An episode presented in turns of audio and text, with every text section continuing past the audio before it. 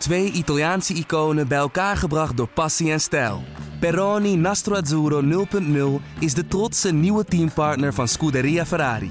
Doe mee met ons en de meest gepassioneerde fans op het circuit, de Tifosi. Samen volgen we het raceseizoen van 2024. Salute, Tifosi! Alles wordt duurder, maar niet bij toelevering online. Wij verlagen de prijzen van kunststof en aluminium maatwerkkozijnen. Bestel simpel en snel op toeleveringonline.nl.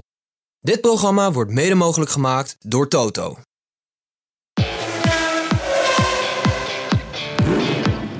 Dit is de Formule 1-podcast van De Telegraaf. Erik van Haren en Christian Albers praten hierbij over het belangrijkste Formule 1-nieuws. Goeiedag, leuk dat je weer luistert naar een nieuwe aflevering van de Formule 1-podcast van De Telegraaf. Chris, uh, goedemorgen. Je neemt nog een slokje van je thee, zie ik. Je hebt het nodig. Je, je ziet er netjes uit. Joh. Je begint steeds, be je ja. begint steeds beter Zo'n zo, zo vervelende radio-dj-stem. Ja. ja, daar heb ik altijd zo'n hekel aan. Ja. Ja, ik probeer ook eens wat. Ik denk, uh, dat is leuk. Vorige, vorige week opende jij de podcast, dus daar zijn de mensen misschien nog net van bekomen. Ja. Nou, die voor jou succesvoller, moet ik eerlijk zeggen. Nou, nou ik vond die voor jou goed. Ik heb, uh, ik heb niet teruggeluisterd, maar ik vond hem goed. Uh, is het bevallen een beetje de race om die te bekijken vanaf de bank in Monaco, kan ik me voorstellen dat je dat hebt gedaan? Ja, een beetje gemengde gevoelens. Hè? De qualifying was spannend, omdat je dan toch weet dat eindelijk Mercedes uh, een kans maakt hier. Door natuurlijk, uh, waar we met z'n twee ook uh, behoorlijk druk met elkaar over en weer gewhatsappt hebben dit weekend. door die ijle lucht. Hè? Dat je gewoon 20, 22% minder lucht hebt. Waardoor je dus ook eens 22% minder downforce hebt. Waardoor je ook 22% minder drag hebt. Of die drag, ja, calibratie is dan een beetje ietsje anders. Ja. Maar ja, dan zit je toch gespannen een beetje zo in zo'n qualifying. En dan heb je eigenlijk ja, een beetje dat oude gevoel eindelijk van dat het, dat het wel eens kan gaan gebeuren, weet je wel. Voor Mercedes of, of voor misschien andere teams die wel een voordeel erbij hebben. Ja, en dan, dan valt natuurlijk wel gewoon op als je gewoon um, ja, in principe gewoon gaat kijken um, naar, naar alle circuits en naar de auto's, dan, dan, en, en je moet zeg maar punten geven, ja, dan is de Red Bull zeg maar een 10 qua drag en qua downforce level. Dan krijg je zeg maar uh, een 9,2 of een 9,5 uh, voor een Ferrari. En dan heb je zeg maar een 7,5 zeg maar voor die, voor die Mercedes. Als ik dat dan even, even goed ga berekenen ja, en bekijken over het algemeen. als sweet, ja, als sweet spot. Hè. Laten we die gewoon de sweet spot noemen. Dat is dus de, de ideale uh, balans tussen drag, hè, dus het, de weerstand die je tegenhoudt op de rechte stukken, dus zeg maar zware, hè, dat je tegen de wind in fietst uh, op de fiets en dat je gaat liggen op het stuur, hè, dan heb je minder, uh, ja, minder weerstand. Mm -hmm. En de downforce is natuurlijk de, het, het, wat je op de weg wordt gedrukt, keihard, als het ware een soort zuigeffect van een, van een stofzuiger. Nou, en die combinatie van die beide, hè, die verhouding daarvan, um, daar moet je het ideale zien te vinden uh, voor eigenlijk alle circuits hè, qua karakteriek. En daar merk je gewoon dat Red Bull daar de beste auto in is. Nou, en uh, wat krijg je nu op een gegeven moment? Je, je komt naar een circuit toe waar gewoon 22% minder lucht is. Dus dat wil zeggen dat alles in verhouding, hè, de Red Bull, uh, wat minder wordt. Maar een auto bijvoorbeeld als Mercedes die te veel drag heeft en eigenlijk soms ook te veel downforce, die, die maakt eigenlijk in één keer een sprong naar boven. Dus als je bijvoorbeeld Red Bull een 10 hebt, die gaat naar een 8 toe. Als je bijvoorbeeld uh, Ferrari hebt die een 9 heeft, die gaat in één keer naar 7. Maar bijvoorbeeld de auto's zoals Mercedes, die alles te veel heeft, die gaat juist omhoog. Ja. Dus ja, wat heeft Mercedes geleerd dit weekend? Is dat ze eigenlijk gewoon te veel downforce en te veel drag hebben. Ja, in verhouding met, het nadeel is natuurlijk dat Mexico een vreemde eend in de bijt is door, door die hoogte van het circuit. Dus het is eigenlijk een incident met deze auto. Ja, maar je leert er wel heel veel van. Ja. En dat is, dat, is, dat is ook wel weer het leuke. Kijk, en, en nu is het dan ook een keer eh, zichtbaar hè, voor uh, de luisteraars en de kijkers die televisie kijken. Is dat je gewoon nu is, kan zien, in, uh, niet dan alleen the theorie, maar ook in praktijk waar gewoon dat verschil zit. Hè? En dat verschil, ja, dat, dat, dat zie je duidelijk. Uh, is Mercedes helemaal niet zo competitief. Nee, nee. En Ferrari dan? Want eh, de motor, de, de, die omstandigheden die je net schetst, hebben natuurlijk ook een impact op de motor. Um, vorig jaar sprak ook iemand in Mexico van Honda. Um, ja, die legde mij uit over met, met name de turbo. Dat die turbo van Honda iets groter is, waardoor ze iets minder uh, last ervan hebben. Maar bijvoorbeeld Ferrari had er veel last van, ook, ook motorisch. Want die gingen eigenlijk voor geen ja, meter. Ja, Ferrari had, uh, maar niet alleen, niet alleen de motor. Ik denk echt het grootste is natuurlijk dat Ferrari echt een auto is die echt downforce heeft. Hè? Veel, veel, meer veel meer downforce uh, voor mijn gevoel als de Red Bull. Alleen de penalty komt natuurlijk in die rechte stukken van het, het, het, het bewegen van bocht uh, uit, uitgaan tot de, de volgende bocht. Hè, die lange rechte stukje. Of die korte kleine rechte stukken. En, en, en dat is juist het mooie van het tunen en die sweet spot vinden van zo'n Formule 1 auto. Is dat, en daarom maakt het ook zo gecompliceerd voor die teams. Is waar ligt de beste verhouding? En als je gaat kijken bijvoorbeeld in het begin van het seizoen was Red Bull eh, liep achter op de Ferrari. Hè. De Ferrari had meer downforce, de Ferrari had dan ook wat meer drag, maar oké. Ehm, dat was net genoeg om eigenlijk toch meer competitief te zijn en een sterke auto te hebben als Red Bull. Dan zie je op een gegeven moment dat Red Bull is gaan werken door zo'n seizoen. Hè, dat er meer development zijn, ontwikkelingen zijn gekomen, meer upgrade. Waardoor ze meer gecreëerd hebben naar, naar de kant van downforce. En dat ze daar juist de, de, perfecte verhouding hebben gevonden. En als je dan teruggaat en je kijkt bijvoorbeeld naar de Williams, uh, Erik, dan zag je dat die voor geen meter gingen in de kwalificatie. En dat, en dat is eigenlijk ook gewoon heel ja, uh, uh, normaal, omdat het een auto is die heel weinig drag heeft, dus heel weinig weerstand op de rechte stukken. Dus die gaat, loopt heel erg hard, is ook snel op de rechte stukken. Maar Um, ook minder downforce. Ja, en die kreeg nu de penalty dit weekend ook, dat ze dus minder downforce hadden. En dat merk je gelijk. En dan zie je gewoon in één keer dat ze ook gewoon echt serieus achteraan staan. Want Albon had helemaal, die kon niet eens meer 11, 12, 13 staan. Die stond gewoon achteraan. Ja, die reed nog wel een aardige race, moet ik zeggen. Uh, in tegenstelling tot Latifi. Want Albon uh, werd nog twaalfde, weet ja. ja. Ja, als we naar de race gaan, uh, had jij um, in de beginfase kon Hamilton natuurlijk redelijk bijblijven bij Verstappen. Had je toen nog iets van, dit, dit gaat nog spannend worden? Ten eerste had Max gewoon weer een supergoeie start. Hè. Je merkt gewoon dat hij dat goed onder controle heeft weer. Hij had een periode waar hij wat slechtere start had, hè, waar we het over gehad hadden. Ja. Maar je merkt gewoon dat die Honda, dat ze daar echt het juiste bite point, hè, dus zeg maar, zeg maar dat, dat punt waar die, waar die koppeling grijpt, maar ook gewoon het toerental, dat ze, dat ze het gewoon goed geanalyseerd hebben. En je merkt gewoon dat die Honda daar de juiste torque heeft. Want je, je merkt gewoon dat hij bijna nooit meer verliest met een start. Hij maakt altijd gewoon goede starts. Um, Lewis Hamilton maakt ook altijd goede starts. Maar dit keer was Russell verbazingwekkend ook gewoon goed. Hè? Bijna, bijna in principe dezelfde reactietijd. En, en qua uh, wegrijden, ik denk dezelfde tijd als Lewis. Mm -hmm. um, maar dan krijg je eigenlijk een mooi gevecht naar die eerste bocht toe. Ja, en daar zie je dan gewoon weer het verschil. Ook met de jaren daarvoor met de starts met, uh, met Max. Is dat hij gewoon daar toch weer wat later kan remmen. Maar dan zie je toch dat hij best wel wijd uitkomt uit bocht 1. Hè, want hij vergalopeert zich een beetje, maar hij, kan, hij redt het nog om de bocht in te gaan. Je ziet dat Russell hetzelfde een beetje heeft, ondanks dat hij eerder remt dan Max. Ja, maar dan ook ver naar buiten komt. En dan zie je dat Lewis voor de, de eigenlijk de andere optie kiest. Hè, toch wat eerder uh, te gaan remmen. Waardoor hij hem dus binnendoor kan steken, iets scherper kan steken, iets meer die auto's sneller roteert. Hè, wat afremt, maar dat hij daardoor sneller op het gas komt. Ja, en dan heeft Russell gewoon een probleem in bocht 2. En dat, dat merk je ook natuurlijk, is dat ze beide, zowel Max als Russell, hem niet konden oplijnen in bocht 2. En dan zie je in één keer dat, dat Lewis Hamilton gewoon buitenom voorbij kan gaan. Ja, en dan is Hamilton toch wel, die blijft redelijk bij bij Verstappen. Die, die ook nog wel redelijk lang op die softs kan doorrijden. Het verbaast me dan wel dat, dat Mercedes toch verkozen om Hamilton vier ronden na Max toch al binnen te halen. Ondanks die uh, mediumband. Want je zag toch dat je op die mediumband wel lang door kon gaan. Ja, um, maar dat is eigenlijk ook weer precies hetzelfde. Weet je, theorie en praktijk. Het is zo moeilijk. En dat zagen we ook in de race. Op een gegeven moment toen Max naar binnen werd geroepen. Om die pitstop te maken daar merkte je gewoon dat het team ook zei van, hey, uh, GP zei ook van, weet je, de, ondanks dat je dus die, die grading ook voor had, links voor, en je, je merkte dat die band ook begon echt op te raken. En dat zag je ook aan hem. Je kreeg eigenlijk veel onderstuur ja. in de rechte bochten. Je merkte dat, dat hij gewoon veel minder grip had. Hè, dat, dus die softbank, die kreeg het hard te verduren.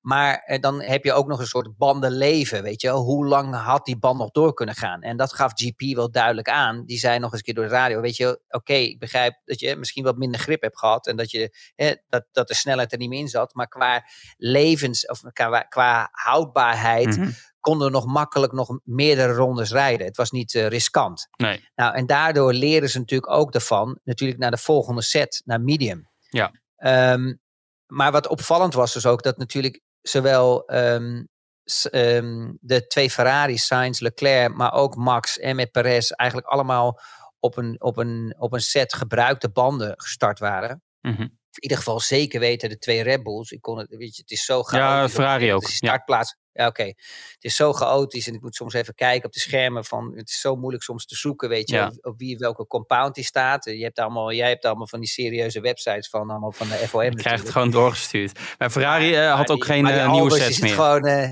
nee, maar Albers zit gewoon op de bank te kijken. Die moet gewoon zijn ouderwetse manier met zijn blote oog doen. Dus Ja. dan zit je zo helemaal zo te tellen als een dolle. Ehm, en dan moeten de kijkers natuurlijk ook thuis. Eh, je merkt gewoon dat die al een gebruikte set hebben gebruikt van de qualifying. En dat helpt ook wel weer een beetje. En dan heb je die heat cycle één keer gehad in die Mhm. band. Weet je, dan wordt die meestal voor gevoel, eh, soms wel, soms niet. Je, ik, ben, ik, ben geen Pirelli-specialist en ik, ik, ik, ik doe ook geen testwerk meer voor Formule 1-teams. Maar meestal uit ervaring wordt die band dan wat constanter. Hè. Soms wordt die wel eens een klein compoundje of een beetje wordt die ster, eh, wordt die, wordt die harder. Ehm, en, ehm, maar ze hebben dat ook eh, expres gedaan om te zorgen dat ze ook die start naar binnen halen. Weet je, dat je niet gewoon die start verliest. Want dat is, dat is ook wel belangrijk, die positie, eh, positie van, van Max natuurlijk. Want als hij gewoon goed wegkomt, dan kan hij ook gewoon wegrijden. Ja, en dan, en dan heb je natuurlijk de mediums van Mercedes. En dan zegt iedereen, ja, is allemaal foute strategie. Ja, ik ben het er niet helemaal mee eens. Kijk, ten eerste, je hebt theorie en praktijk. In theorie kan het zijn dat misschien de soft beter was. Maar in praktijk hoeft dat helemaal niet zo te zijn. Op zich vond ik de eerste strategie eigenlijk wel goed van ze. Want het had daarvoor geregend op die zaterdag, hoorde ik. Heb ik vernomen in ieder geval. Mhm. Ik weet niet wat jij ervan vond. Ja, s'avonds een beetje het was, ja, dus het, het, het is al wat greener. Nou, dan kan je beter safe dan, eh, dan, dan sorry zijn. Dus als je dan op die medium start, dan, dan wordt het circuit wordt steeds beter. Die gaatjes in het asfalt vullen met rubber. Weet je, en dan kan je het risico nemen naar soft. Eh, dan andersom. Dus op dat opzicht vond ik ze het eigenlijk helemaal niet eens zo slecht. Nee, maar daarom snap ik, daarom, tweede- daarom was mijn vraag, waarom gaat hij dan toch zo vroeg naar binnen? Want dan, en allebei ook, ze splitten de strategieën niet, Russell en Hamilton. Dat je, dat je eigenlijk wel op de harde band moet gaan, omdat je niet zo lang meer op die softs kan rijden. Van medium eh, naar, naar een rondje of 30. En die harde band, kijk, die hebben ze natuurlijk in de eerste training geprobeerd. De tweede training hebben ze natuurlijk geen longruns kunnen doen, omdat het een, een bandentest was. Maar Verstappen zei, ja, ik heb in de eerste training die harde band geprobeerd. En ik, toen is die eigenlijk door ons afgeschreven. Toen wisten we eigenlijk al, dit is niet de band voor de race.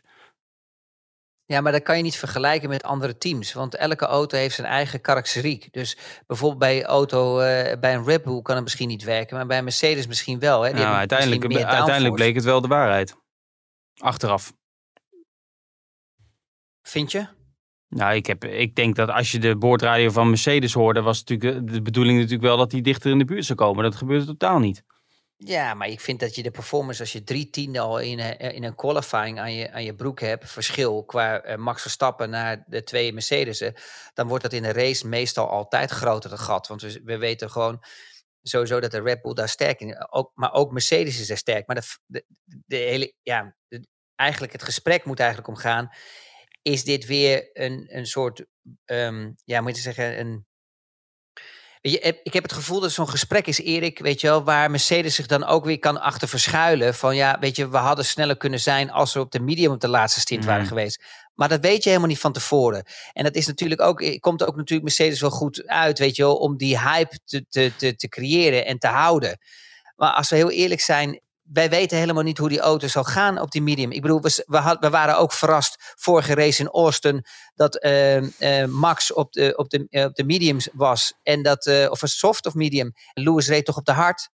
En Ja, Lewis maar- die gleed toch, gleed toch veel meer. Ja, maar je hebt het nu over, je weet niet hoe de medium ging bij Mercedes. Ze hebben toch op de medium gereden, de starters op. Die, dat ging toch prima. En, en beide coureurs Nee, ja, zeiden, de banden uh, nog Ja, prima maar, aan. dat- ze konden, maar ze konden niet meer, want ze, ze, ze wouden één stopper doen. Ja, nee, snap ik. Dus maar dan is het eh, of soft, Ja, maar dan kun je Of toch het is, Ja, maar dan kun je toch voor kiezen om langer door te rijden op die gele band. In ieder geval met één coureur en dan over te gaan op soft. Nu gaan ze beide Ja, doen maar- precies hetzelfde. Ja, maar als jij je strategie maakt en jij, jij gaat er al van uit dat jij een eenstopper maakt en jij, gaat, jij doet de berekening op hard, dan denk je zo niet na. Dan kijk je namelijk wat voor een achterstand max in aan te Ja. halen is qua rondes. En dan moet je de beslissing maken wat je best, waar je in het verkeer er naar buiten komt, dat je geen verkeer hebt. En ook nog eens daarbij komt te staan natuurlijk is van dat je kijkt van hoeveel rondes kunnen die harde banden eh, eh, rijden. Dus weet je, er zijn zoveel factoren die een rol meespelen. Ik vond ze, moet je eerlijk zeggen, echt niet slecht. En ik denk ook persoonlijk, ik weet het helemaal niet. Ik kan helemaal niet zeggen of dat beter was om op de medium te gaan, op de eindstint of de soft. Nee, wat, wat, of natuurlijk de wel, hard. wat natuurlijk wel zo is, is dat ehm Perez, kijk, die had natuurlijk pech met, die- met zijn stop die vijf seconden duurde. Alleen, ja, als, als de Red Bull strategie zo verbeterd was geweest, dan zou je toch ook moeten denken dat als het echt zo zou zijn, dat Perez Hamilton wel had kunnen pakken. Ehm, maar dat gebeurde dus ook niet. Klopt. En, dat, kan, ik- en dat maar- is natuurlijk het verschil tussen Perez en Verstappen. Dat snap ik ook nog wel. Alleen, Ja. ehm, het is ook niet zo dat Hamilton dan helemaal geen snelheid meer had. Want anders was Perez natuurlijk al langs geweest. En wat me ook opviel was Perez na zijn stop veel meer aan het pushen was dan Max. Want hij was in die eerste rondes na zijn eh, stop sneller. In rondetijd, als Ja. je het vergeleek met Max. Alleen Max was zo constant. Ik zag ook een staartje. Al zijn rondes, die 46 rondjes. En twee rondjes reed hij langzamer met de virtual safety car. Maar 44 rondjes, allemaal 1,22. En dan nog wat. Maar Ja, geen 1,21, hij geen 1,23. Allemaal 1,22. Maar dat zeggen we wel vanaf het begin van het seizoen. Kijk, weet je, er komen allemaal van die dikke verhalen. Daar hebben we in het begin van het seizoen ook over gehad. Van de- dat, dat Checo Perez zo goed is op de banden. Nou, dat is natuurlijk gewoon een dik lulverhaal. Eh, Max is gewoon meer de bandenfluisteraar. Wat ook overal over wordt genomen van ons, by the way. Ehm, maar ja, maar daarom verbaast me ja, dat hij gewoon zijn... te veel gevraagd. Ja, want dat Horner zei nu ook van... Ja, nu dit jaar zie je echt dat Max heel goed op de banden is. Maar dat was, dat is, vorig jaar was het niet anders. Of ben ik nou die- die gek? Horner heeft volgens mij, volgens mij heeft hij de, de startnummers door elkaar gehaald. volgens mij heeft hij naar nummer 3 gekeken. Dat was Ricciardo. En niet 33, weet je wel. Toen, het- toen, toen, Toen Max dat nog had, ja. Maar, hoe, eh, maar is het, hoe, Jongen, hoe jongen, knap... jongen. ik- Hoe, even voor de... Als je 44 rondjes precies... Nou ja, om en nabij dezelfde rondetijd rijdt. Is, hoe knap is dat? Of is dat, is dat normaal voor Nee, iemand als Verstappen? ja, of is dat... Dat is, dat is, dat is, dat, dat zie je ook bij Lewis. Ja. Maar wel bij die twee. Lewis had wat meer, Lewis had wat meer beweging erin zitten. Wat hoger, lager. Daar zat, daar zat, daar zat best wel veel tijd in. Drie, vier Ja. tienden soms. Dat hij sneller is, langzamer is. Dus het was niet zo constant. Maar dat had ook wel te maken met een verkeer wat hij voorbij ging. En dat de, dat de Mercedes misschien daar meer last van heeft. Het, weet je, het is allemaal, je moet het allemaal zo dooranalyseren. Ja, maar hoe dat- knap dat is is het? die- Eh, Kun je dat eens duiden voor de, voor de leek, zeg maar? Ja, dat is heel knap. Maar ja, weet je, het is, dat is moeilijk om aan mij te vragen. Want ik was in de, eh, vroeger ook heel constant daarin. En je, je weet niet waarom dat is. Je, je hebt het gewoon of je hebt het niet. Dat Ja, is zo moeilijk uit te leggen.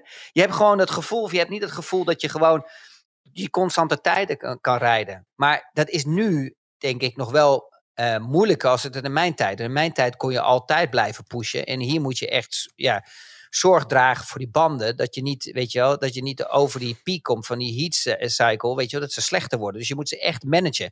En kijk, en daar zie je het verschil van Max en eh Perez.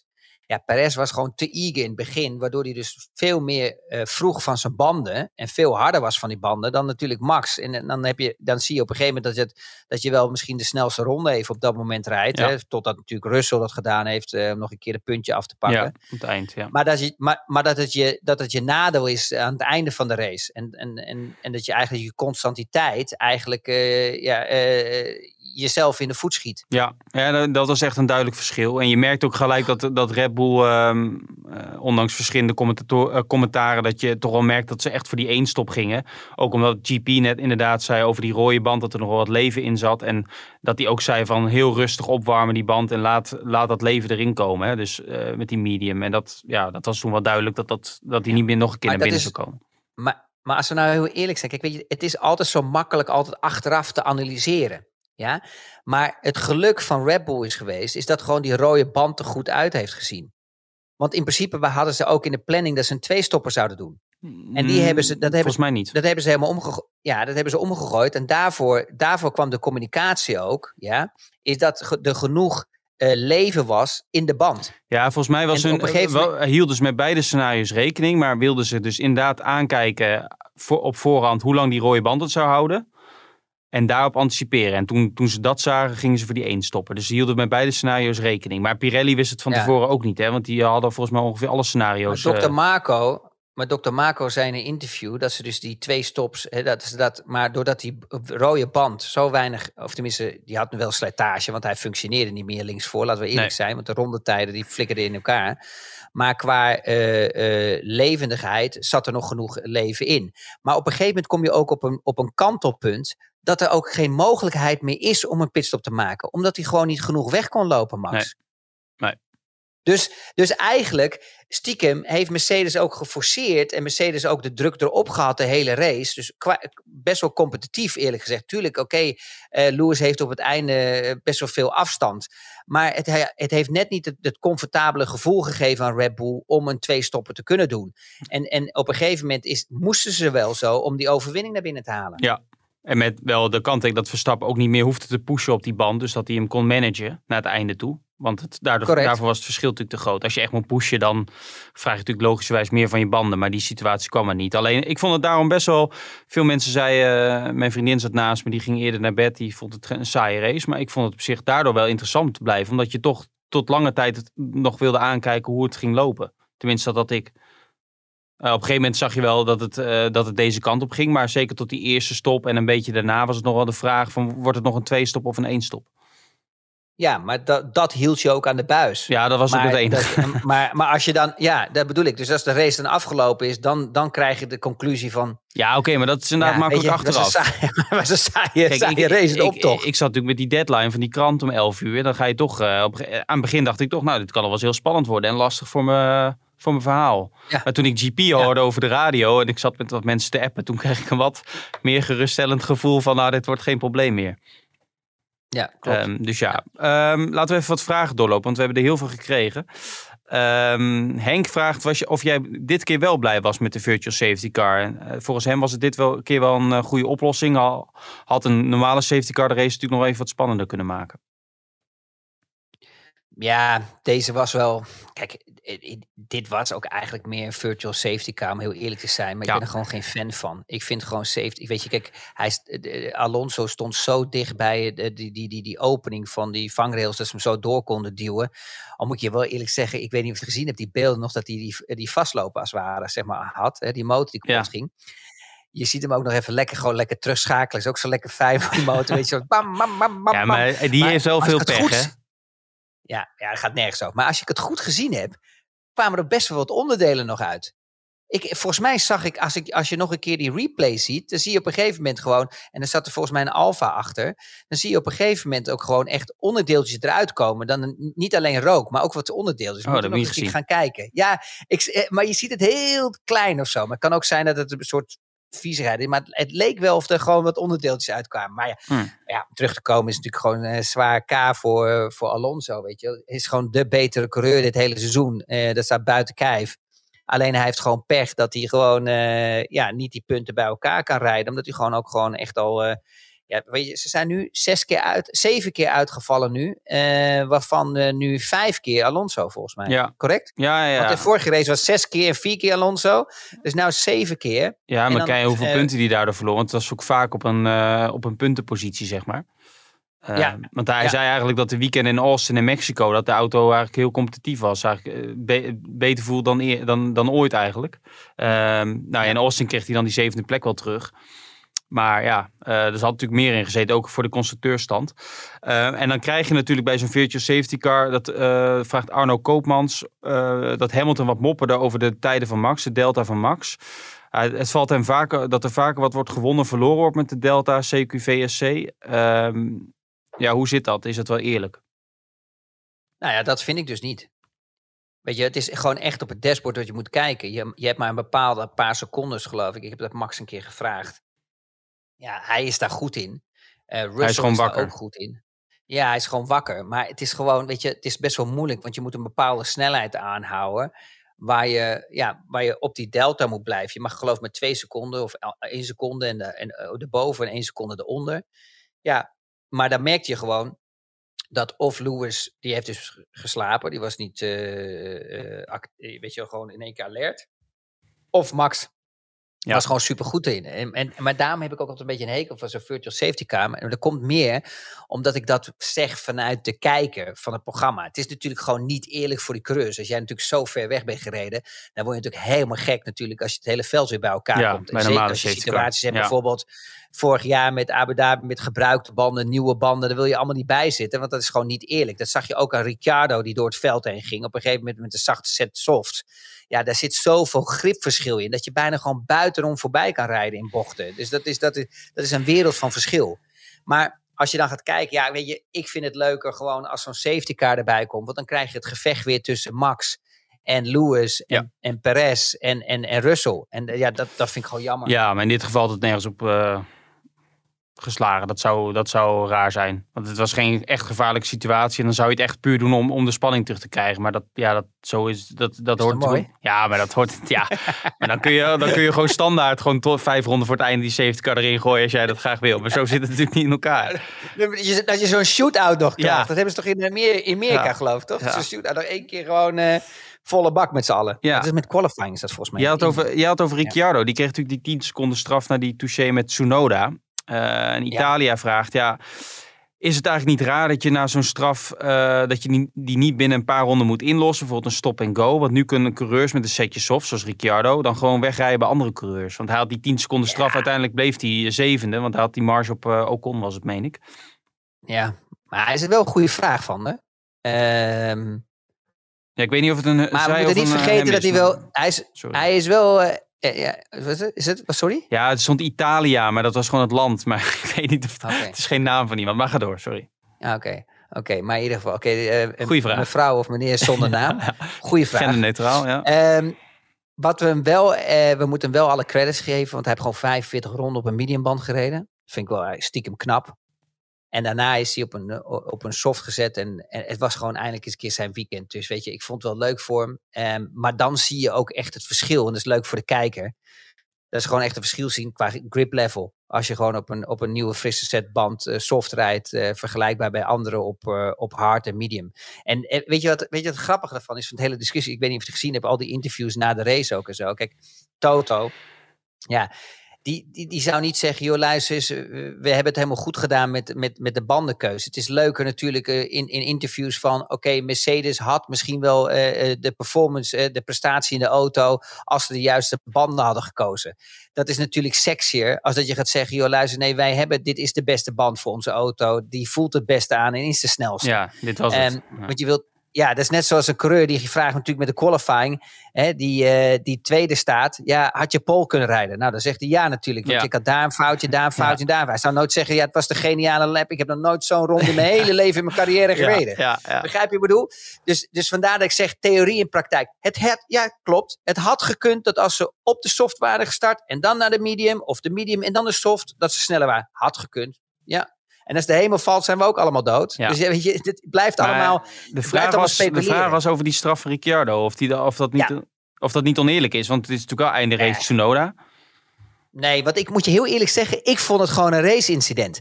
Hij heeft een zachte set banden erop zitten, ja, waardoor je veel meer grip hebt in die low-speed corners. Je ziet ook dat van change in direction. Waar zijn fout lag, en dat was eigenlijk de belangrijkste, Erik, en dat heb jij denk ik ook gezien, als we even teruggaan naar het circuit.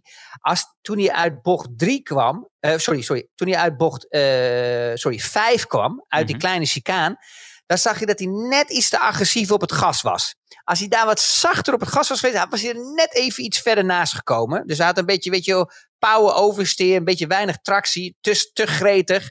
Kwam hij achter Tsunoda op het gas eruit. Je ziet ook dat die auto een beetje dwars gaat. Als hij dat ietsje meer onder controle had gehad, had hij er verder naast gezeten, aankomend in bocht 5. Maar ik vond het wel een mooie actie. Er was gewoon een opening en je moet gewoon voor die opening gaan. En dit is nou gewoon typisch de vierde laatste tijd. Ja, Ja, de stewards van, vonden ja, dat ja. de actie te laat was ingezet en te optimistisch was. En dat Ricciardo volledig eh, verantwoordelijk was of, voor het incident. En daarom kreeg hij dus 10 seconden en twee penalty points en geen 5 seconden straf. Denk ik. Dat vul ik zelf even in, maar anders zou je zeggen het is 5 seconden. Ja, maar ze begrijpen wel dat we toch bezig zijn met een race. Hè? Ze geen ex- eh, eh, examen aan het afleggen zijn. dat staat er niet bij, maar Wel. ik neem aan dat ze wel weten waar ze stewards zijn. Tom. Maar goed. is niet te geloven. Ehm, Ja, maar eh, weet je, het is, ja. dit is net zoals dezelfde actie om terug de, eh, eh, de koppeling te maken met Gasly, eh, Gasly en, en, Stroll. en Stroll. Ja, weet je, het is oké. hij zit er helemaal naast. Dan vergalopeert hij zich.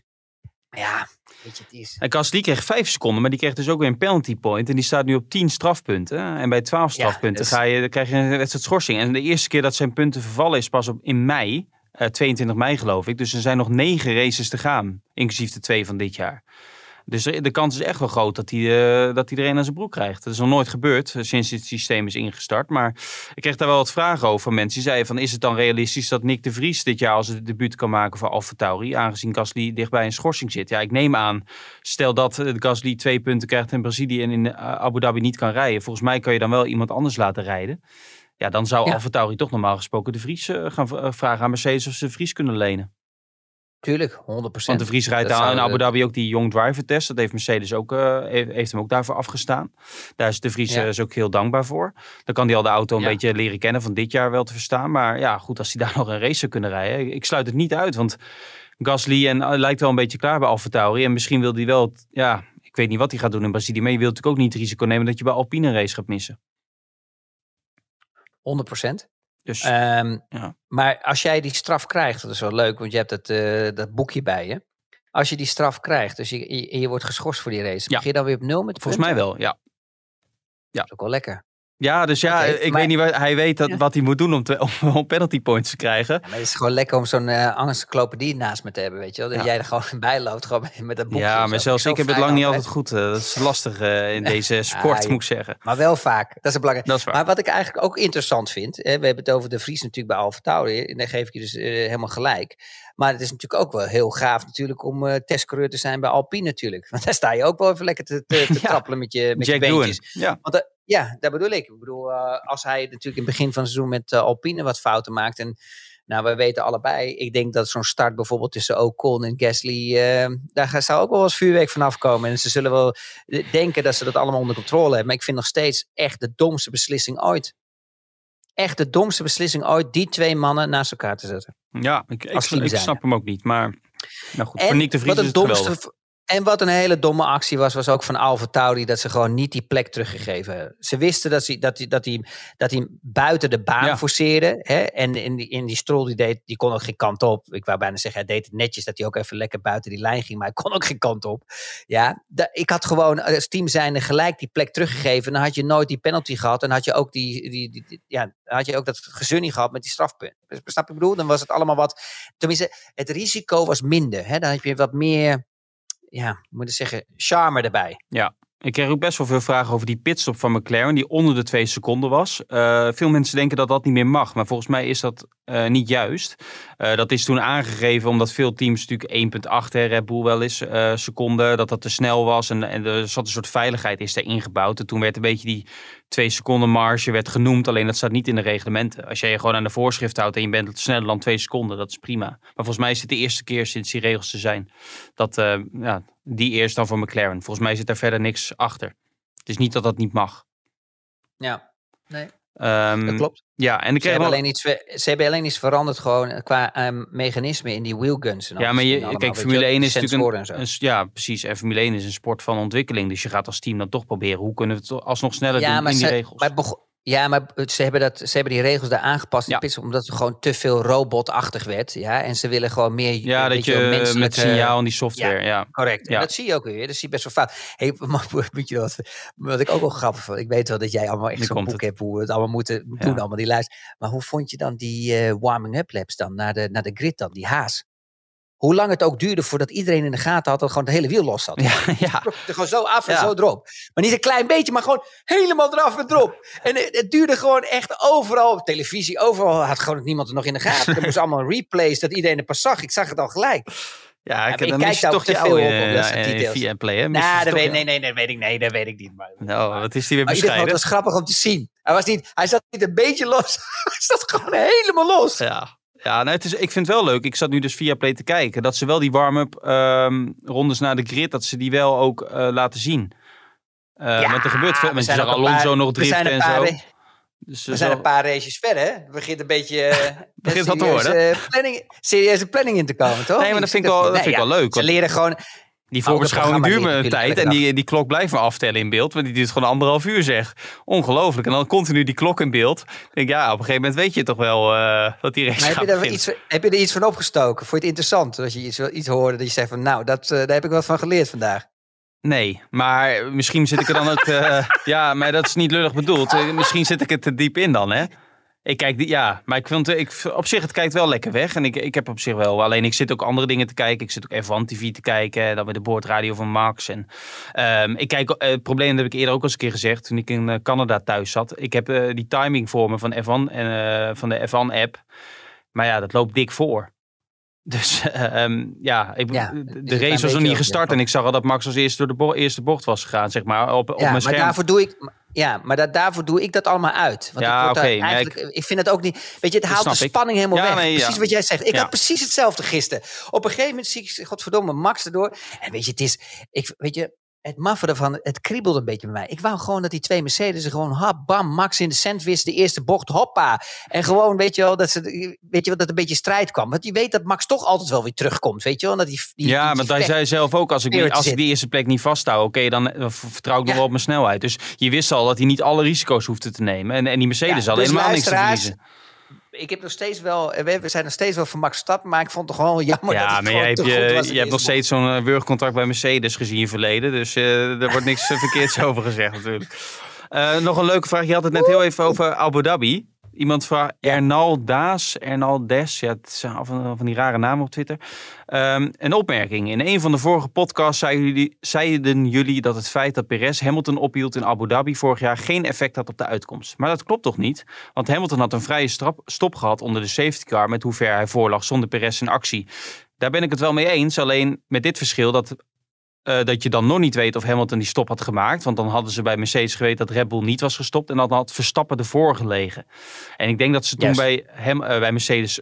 eh, Ze waren gewoon bang voor Verstappen. En ze wisten natuurlijk ook dat Verstappen alle risico's kon nemen. Want als ze er samen waren afgegaan, dan was Verstappen ook wereldkampioen geweest. Omdat hij meer overwinningen had. Dus ehm, die uitleg vind ik iets te makkelijk. Het klopt wel dat hij dan een vrije stop had kunnen hebben. Alleen dat had denk ik niet de uitkomst van de race veranderd. Maar dat is ook weer een wat-als eh, scenario. Maar ik weet niet hoe jij er naar kijkt.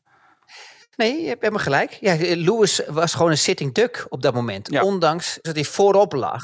Nou, het snelheidsverschil, hij was gewoon de betere. Hij was de snelste. Eigenlijk hadden ze het allemaal verdiend. Alleen dan zie je dus ook weer dat je in een situatie kan komen. En dat is het leuke van die safety car weer. Dat dit soort situaties in één keer weer voorkomen. Dat je dus ook in een situatie op een winnende positie met de sterkste auto op dat moment een sitting duck kan zijn. En dat wil zeggen eigenlijk gewoon je kan het risico, je, je komt op, op een gegeven moment op een punt waar je de beslissing moet maken, ga je voor die nieuwe set banden? Nou, en het is heel simpel. Dat risico wouden ze niet nemen om Max weer voorbij te moeten gaan. Ehm, ja, dan, dan, dan heb je gewoon, weet je, dan heb je gewoon een probleem. Ja, en, en Max had niks te verliezen, want hij had genoeg afstand bij de, de- bij de, de, bij de, bij de man die derde lag. Ja, nou ja, dat was logisch. Want eh, eh, alleen de, ja, die, daar mochten de auto's niet zich niet unlappen. Alleen die auto's tussen eh, nummer 1 en nummer 2. Verstappen en Hamilton. Hè?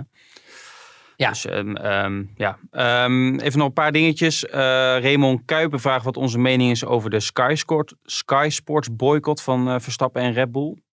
Nou, ga jij maar eerst. Ja, kijk, weet je, het is.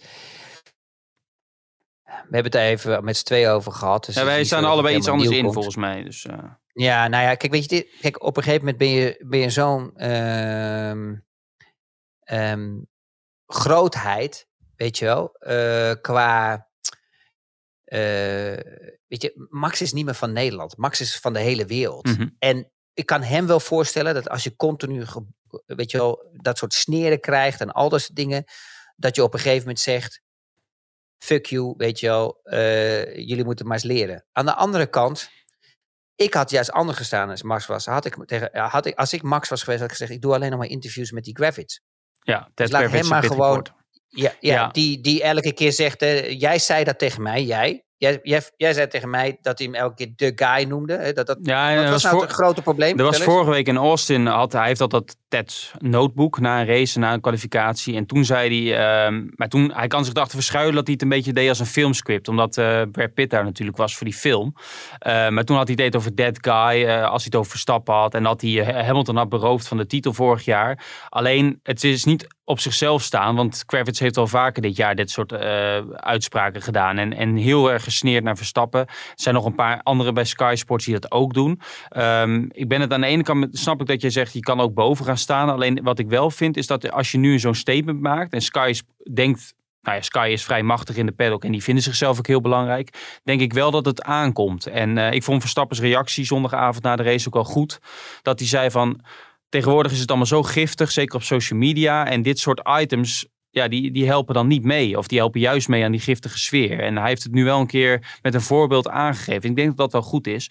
En ehm, ja, Horner die, uh, die volgde zijn voorbeeld. Maar je weet hoe belangrijk Horner het vindt om in de Engelse media goed over te komen. Dus die zei gelijk na de race, dit was alleen voor dit weekend. Maar ik weet niet of dat voor Verstappen ook geldt. Is, is het zo? Ja. Ik vind die Horner wel eigenlijk, die, ik vind die Horner helemaal niet publiciteit. Nee, helemaal niet. Nee, oké. Okay. Nee. Nou, nou dan ken ik een andere Horner. Ik vind, Ja. het- ik vind, je merkt dat ook helemaal niet op de grid, hoe die zich zo manifesteert en hoe die kijkt waar Nee, de camera... het is, hij is net niet zo camerageil als de VIA-president, maar het scheelt niet veel. Nee, die, maar dat is echt het- die, die, Dat is een eh, topper. Ah, dat, is Maar ongelooflijk. die belt eerst naar huis is- of de, of, de, vi- of de opname loopt. En dan, gaat hij, eh, dan zet hij de camera Maar op. dat is, maar dat is, eh, volgens mij heeft hij vroeger ook bij zo'n sniperteam gezeten of zo. Je, je ziet hem ook niet. In één keer, bam, is hij er. Ja, bom, bom. Ik weet niet of Daar staat hij er één dat keer. kan weer helemaal verkeerd uitgelegd worden gezien zijn eh, afkomst. Maar Maar. Ze- Luister Erik, ze pakken over een quote van je. Ik heb Ja, gezien, jongen, je bent een wereldster aan het worden, joh. Met alle Fernando Alonso. Niet normaal, joh. Die zit de hele wereld op nou, ik, weet, ik, weet, ik weet van jou en een, eh, en een Nederlandse teamgenoot, Robert Dormels in 2005, hoe, eh, dat er nog wat oud zeer zit. Maar Alonso en Hamilton kunnen er ook wat van. Maar dat zit er nu absoluut niet. Maar weet je, het is, dat vind ik altijd zo grappig. Mensen denken dat dat... Maar dat heb ik ook echt absoluut niet meer. Weet je wel? Maar ik kan me best voorstellen dat als je met elkaar in een team rijdt... Ja. op een gegeven moment komt er een bepaalde frictie. En helemaal als je aan elkaar gewaagd bent. Hè, en daar heeft Max... Dat is Max' voordeel nu. Daar heeft hij weinig last van. Maar als, je, als we nou eens heel eerlijk zijn... naar, naar, die, naar die hele feit tussen Lewis en Max... van vorig jaar... en waar iedereen allemaal een beetje tegen Lewis Hamilton was en alles dingen dan ben je het toch met me eens dat we dit, die, dit jaar er toch gewoon echt missen. Als Ja. je dat bijvoorbeeld de Lewis nu ziet, dit week- weekend, hoe constant hij rijdt, dat hij toch echt de zevenvoudig wereldkampioen is, die gewoon, e- hij doet het gewoon echt goed. Maar als die auto langzamer is eenmaal, dan is hij eenmaal langzaam. Maar als je gaat kijken naar het verschil van Russell en van hem, en hoe hij zich toch, toch manifesteert, ja, weet je, dat vind ik op zijn leeftijd ook nog wel steeds knap. En Want die Lewis begint ook een stukje een dagje oud hoor. Ja, is maar- 35 nu? Nee, hij is 37 al. In januari wordt hij 38, Ook maar hij wil, 37. hij wil nog een paar jaar door. Moet je nagaan. Dus hij Ja, ziet maar natuurlijk ook aan Alonso hoe eh, leuk die het nog vindt en Vettel. Dus eh, Vettel stopt dan wel. Maar ik, ik vond Alonso wel leuk dat hij eh, dan een dag later een soort van terugkrabbelde. Maar ja, dat sloeg, ik weet niet, dat zal wel zijn manager wel hebben ingegeven. Misschien omdat hij volgend jaar met Mercedes motoren gaat rijden. Eh, want hij kon natuurlijk niet zeggen, ik heb het niet gezegd. Want het was vrij luid en duidelijk. En zoals je weet wordt alles in de Formule 1 wordt opgenomen. Hè? Ehm, Ja. Dus daar kun je, je ziet iedereen altijd alles opnemen. Je hoeft je verhalen, in, de, in het voetbal is het vaak zo dat je je verhalen, als je een interview hebt, van tevoren moet laten lezen. Dat is in de Formule 1 niet zo. Maar ja, als je iets verkeerd quote, dan krijg je het wel te horen. Dat is mij nog niet eh, gebeurd. Dat was nu ook niet het geval. Maar Nee, maar het is wel een moeilijke situatie. Ik kan me best voorstellen voor jou ook. Jij moet dan ook op een gegeven moment een standpunt nemen. Van je, je wilt ook nog jarenlang, hè, ook nog jaren met hem een beetje in Ja, gesprek maar zijn. hij en kan het mij niks kwalijk nemen, want hij heeft dit gewoon gezegd. En als hij zegt van, ehm, eh, er wordt alleen naar headlines gekeken. Ja, de- eh, je bent 41 jaar, je weet hoe het werkt. Eh, een kop moet aanspreken om mensen het artikel te laten lezen. En, en het, het enige is, is, het is een interview van eh 1300 woorden, 1400 woorden, dat alleen door allerlei websites alleen die quote uit werd gevist. Maar ik kreeg heel veel reacties van eh, journalisten en van teamleden in de paddock. Dus ik was er toch nog wel een beetje bij. En, en Hamilton maakte het eigenlijk af door nog een foto van die twee te plaatsen. Met hem bovenaan na een eh, race in Amerika 2007. En dan alleen een duimpje erbij. Dat vond ik op zich nog wel een leuke reactie. Laat je nog Ja. even zien van... Nee, eh, maar, het maar, maar, hij, eh, maar hij, de- hij pakt het wel netjes op. Maar, maar, maar ik ben het niet met hem eens. Kijk, ik vind niet wat. Ik vind op een gegeven moment, je bent zo- zo'n. ehm, Zo'n sport, topsporter. Ik vind je kan ze niet met elkaar vergelijken, die wereldkampioenschappen. En ik vind het niet eerlijk wat hij zegt. Want ik bedoel, ehm, ehm, daar zit altijd verschil in. Er zijn ook kampioenschappen waar, waar Lewis Hamilton met de McLaren ook moest vechten van hier tot Tokio. Hè, eh, in, die, in de periode. Weet je nog, in Brazilië, toen hij nog eh, net van Massa de titel pakte, terwijl eh, de Ferrari beter was. Dus dus er, zijn, er zijn momenten geweest waar hij echt wel gevochten heeft. En ik kan, er niet, ik kan me er niet herinneren met een teamgenoot die, Max, eh, die eh, Lewis echt gewoon uh, fair square verslagen hebben. Dan kan wel zeggen, Nou, ja, Nico Rosberg, is ja. wereldkampioen. Ja, maar kom, weet je, hoeveel fucking plofmotoren heeft hij wel niet gehad, Ja, Lewis? kom, laten we eens eerlijk zijn. Ik, je, hebt nog nooit zoveel eh, rook gezien in je leven, de, de- de- in één jaar. Nee, maar ik, eh, ja, ik- Alonso kijkt natuurlijk niet objectief, want hij heeft veel meer met Verstappen. Maar het leuke was nog wel dat hij zei dat hij de 24 uur Ja, van Le maar Mans dat samen... ligt er te Oh. bo- Maar dat, dat is nou precies het punt. Dat ligt er bovenop. Ja, en dan vond ik het eigenlijk ook wel weer een chique. Dat is net zoals dat Lewis. Weet je, ik ben geen. Weet je, mensen denken altijd van als ik daar iets over zeg dat ik een Lewis-fan ben of een Alonso-fan ben of Max. Maar ik ben er eigenlijk best wel eh relaxed in. Maar ik vind, ik kijk meer altijd hoe mensen reageren. Ik vond het chic hoe ehm, eh, Lewis Hamilton eh, vorig jaar Max gewoon feliciteren. Want ik kan me echt, je, je hebt er een echt, echt, echt de T in en de K in. Dat wil je Hmm. niet weten. Ja, dat hij, ja, maar hij loopt er toch netjes naartoe. Hij zegt ja, toch maar hoe die dan in de winter Mercedes en Hamilton, dat had ook wel wat chiquer gekund, hè? Op, achter de maar schermen, met die maar, de maar, luister, maar luister even. Kijk, dat is net zoals bijvoorbeeld die commentaren die hij geeft in de, in de, in de, in de race. Van, hey, virtual safety car. Max is dus te snel weg. Max rijdt over de witte lijn. Dat is normaal. ja, dat dat gebeurt andersom andere ook. teams ook. Dat gebeurt andersom ook, maar dat wil niemand horen. Ja, maar dat, is was natuurlijk, ook die, die, voorbeelden zijn er gewoon. Dat heb je ook als Verstappen Correct. achter iemand rijdt. Dan zeg je Maar- ook, hey, track limits, hey, dit, eh weaving. Maar komt eh. komt ie. Hou je vast. Wat ik wel stoer vond, is dat hij dan gewoon eventjes op zijn Instagram zo'n fotootje doet. Weet je wel, dat hij op het hoogste treden staat. Alonso tweede en dan een duimpje erbij. Kijk, Ja. dat, vind ik nou gewoon, dat vind ik nou gewoon een mooie reactie. Geen woorden, gewoon een foto, gewoon resultaten. En zeg je, je hebt gelijk. Ja. niet. Dus anders gezegd, Alonso, jij was nog slechter, want ik won dit jaar. Ja, Nee. Nou correct ja. of niet? Kijk, de Britse pers had in ieder geval weer genoeg om over te schrijven. De boycott van Max van Sky, mooi. eh, dit Super, Hamilton man. Alonso. Dus dat geven we ze gewoon allemaal. Dat, zo help ik iedereen een beetje. Ik denk dat we er wel zijn, eh, Chris. Nee joh! Ja joh, we zitten op eh, bijna we zitten op drie kwartier, man. Ik heb alle vragen wel Ah. doorgenomen, dus ik denk dat we er wel zijn. Zullen we... Doe jij Brazilië bij Viaplay? Nee, er is daar in de planning voor Brazilië en eh, Abu Dhabi. Maar dat kan wel eens Ja, zo Dat veranderen. zijn de enige twee races nog die er zijn. Het dus kan wel eens zijn dat ze zeggen, nou Chris, eh, jij ouwehoed zoveel. Of jij zet ons zo onder druk. Ga jij, blijf nou lekker thuis. Daar hebben ze wel een punt. Ze hebben grappen. Goed, dan ga ik zeggen dat wij er na de Grand Prix van Brazilië weer zijn op maandag 14 november. Met wel het voorbehoud dat, eh, dat het alleen zo is als er geen eh, baby nog is eh, in Huizen van Haren. Dus ik kan het nog nu op dit moment niet beloven. Maar zullen we dat afspreken als er geen baby is, wel een podcast en anders niet? Hey, ik zal je wat vertellen. Joh. Ik kreeg een foto door van eh hoofdkwartier. Mijn hoofdkwartier, die op de bank zat. Ja. En ik zag jou gewoon zitten. En, heb je een kat of een poes? Push. Met die poes? Ja, die is... laptop op je schoot en dan iPadje gewoon ervoor. paprika chips. Daarvoor, daarvoor ziet het ook zo oranje uit nu. Ik denk, wat je hebt zo'n oranje gloed. Dan was- komt dat je gewoon drie van die zakken paprika naar achter Nee, was zaterdag met die En dan kijk eens kwalificatie. mij, kijk, kijk even, ik ga even staan. Bijna met mijn goddelijke lichaam, joh. Oh, wauw. Niet te doen, joh. Niet te doen. Ja, maar Sa nee, Vlam, was, jongen. eh, ik, ga, ik loop zo hard nu naar de garage, Ja, dat ik gewoon nu bijna bij al mijn afspraken nu op tijd kom. Omdat ik gewoon zoveel minder gewicht mee moet sjouwen en zo. En ik, ik heb gewoon veel minder drag all the way naar de scooter toe. en dan zonder ijle lucht. Moet je nagaan hoe jij in Mexico zou ja. gaan. Ja, Maar goed. Hey, heb jij al bij de, heb jij al bij de, de gamma's van het uh, dekzaal gekocht? Want ze Het ligt er al. straks die Ligt pui er al. eruit Ligt er halen. al. Ja, Oh, bij die pui. Ja, die pui die Oh komt, nee, ik dacht in bed voor die bevalling als die vliezen breken. Maar die ligt Heb er al. je, heb je oranje gekocht of uh, blauwe kleur? Weet je, je hebt altijd van het lichtblauw. Ze zijn als nu, as we speak, eh, begonnen met boren. Maar wij gaan lekker eh, deze week eh, een paar dagen weg. Met dank Oh. aan de eigenaar beneden. Die heeft ons, eh, nou niet weggestuurd, maar die heeft ons eh, financieel eh, ondersteund. Nee, je niet. Ja, je dus dat is heel aardig. Jezus, wat ben jij? Kan je niet gewoon voor mij komen werken? Jij bent echt een onderhandelaar. Hoe krijg je het voor elkaar? Dat hij, hij ook nog gewoon... Heb je serieus, heb je serieus geld gekregen? Ja. Nee, kappen nou. Nee, echt waar. Zo, Nee. Ja, maar een goede buur is beter dan een verre vriend. Dat is hartstikke aardig van die man. Daar ben ik wel zeer ben jij voor. een onge... Nee, jij bent echt een ritselaar. Hier sta ik, ik, ik, ik zweer het je, mijn bek valt ook. Dat is niet te doen. Serieus? Ja. En waar gaat het naartoe dan de reis? Nou, vlak in de Utrechtse Heuvelrug. eh, dat we ook nog in de buurt zitten als die baby in één keer komt. Dus eh, lekker in huisje. Kat gaat mee. We gaan straks weg. Top. Nou, we gaan afronden. Ehm, Hé, hey, maar ik heb geen fluit. eh, ik heb alles. Ik heb als een debiel heb ik alles opgeschreven ja, gisteravond. Christian Albers. Ja? Dit is nee, maar een- hier moet je kijken. Let op. nee, Ik wil het niet weten. debiel heb ik alles opgeschreven. Normaal schrijf je het op. Dit is, nee, maar Chris, eh, we zijn 50 minuten bed. Jij bent bijna alleen maar aan het woord geweest. En dan nog heb je nog niet genoeg. En dan, dan vind je het moeilijk om een vier play kort, het kort te houden. Moet je nagaan. Ik heb, er wel, ik heb wel wat van gezegd van Viaplay. Ik, jij zei het toen wij uit de uitzending liepen. Je zei van, joh, ik heb bijna niks gezegd. Ik zei tegen... Dat zei je Koen, me. Ik Koen heb dat- hoor je ons? Koen, hoor je ons?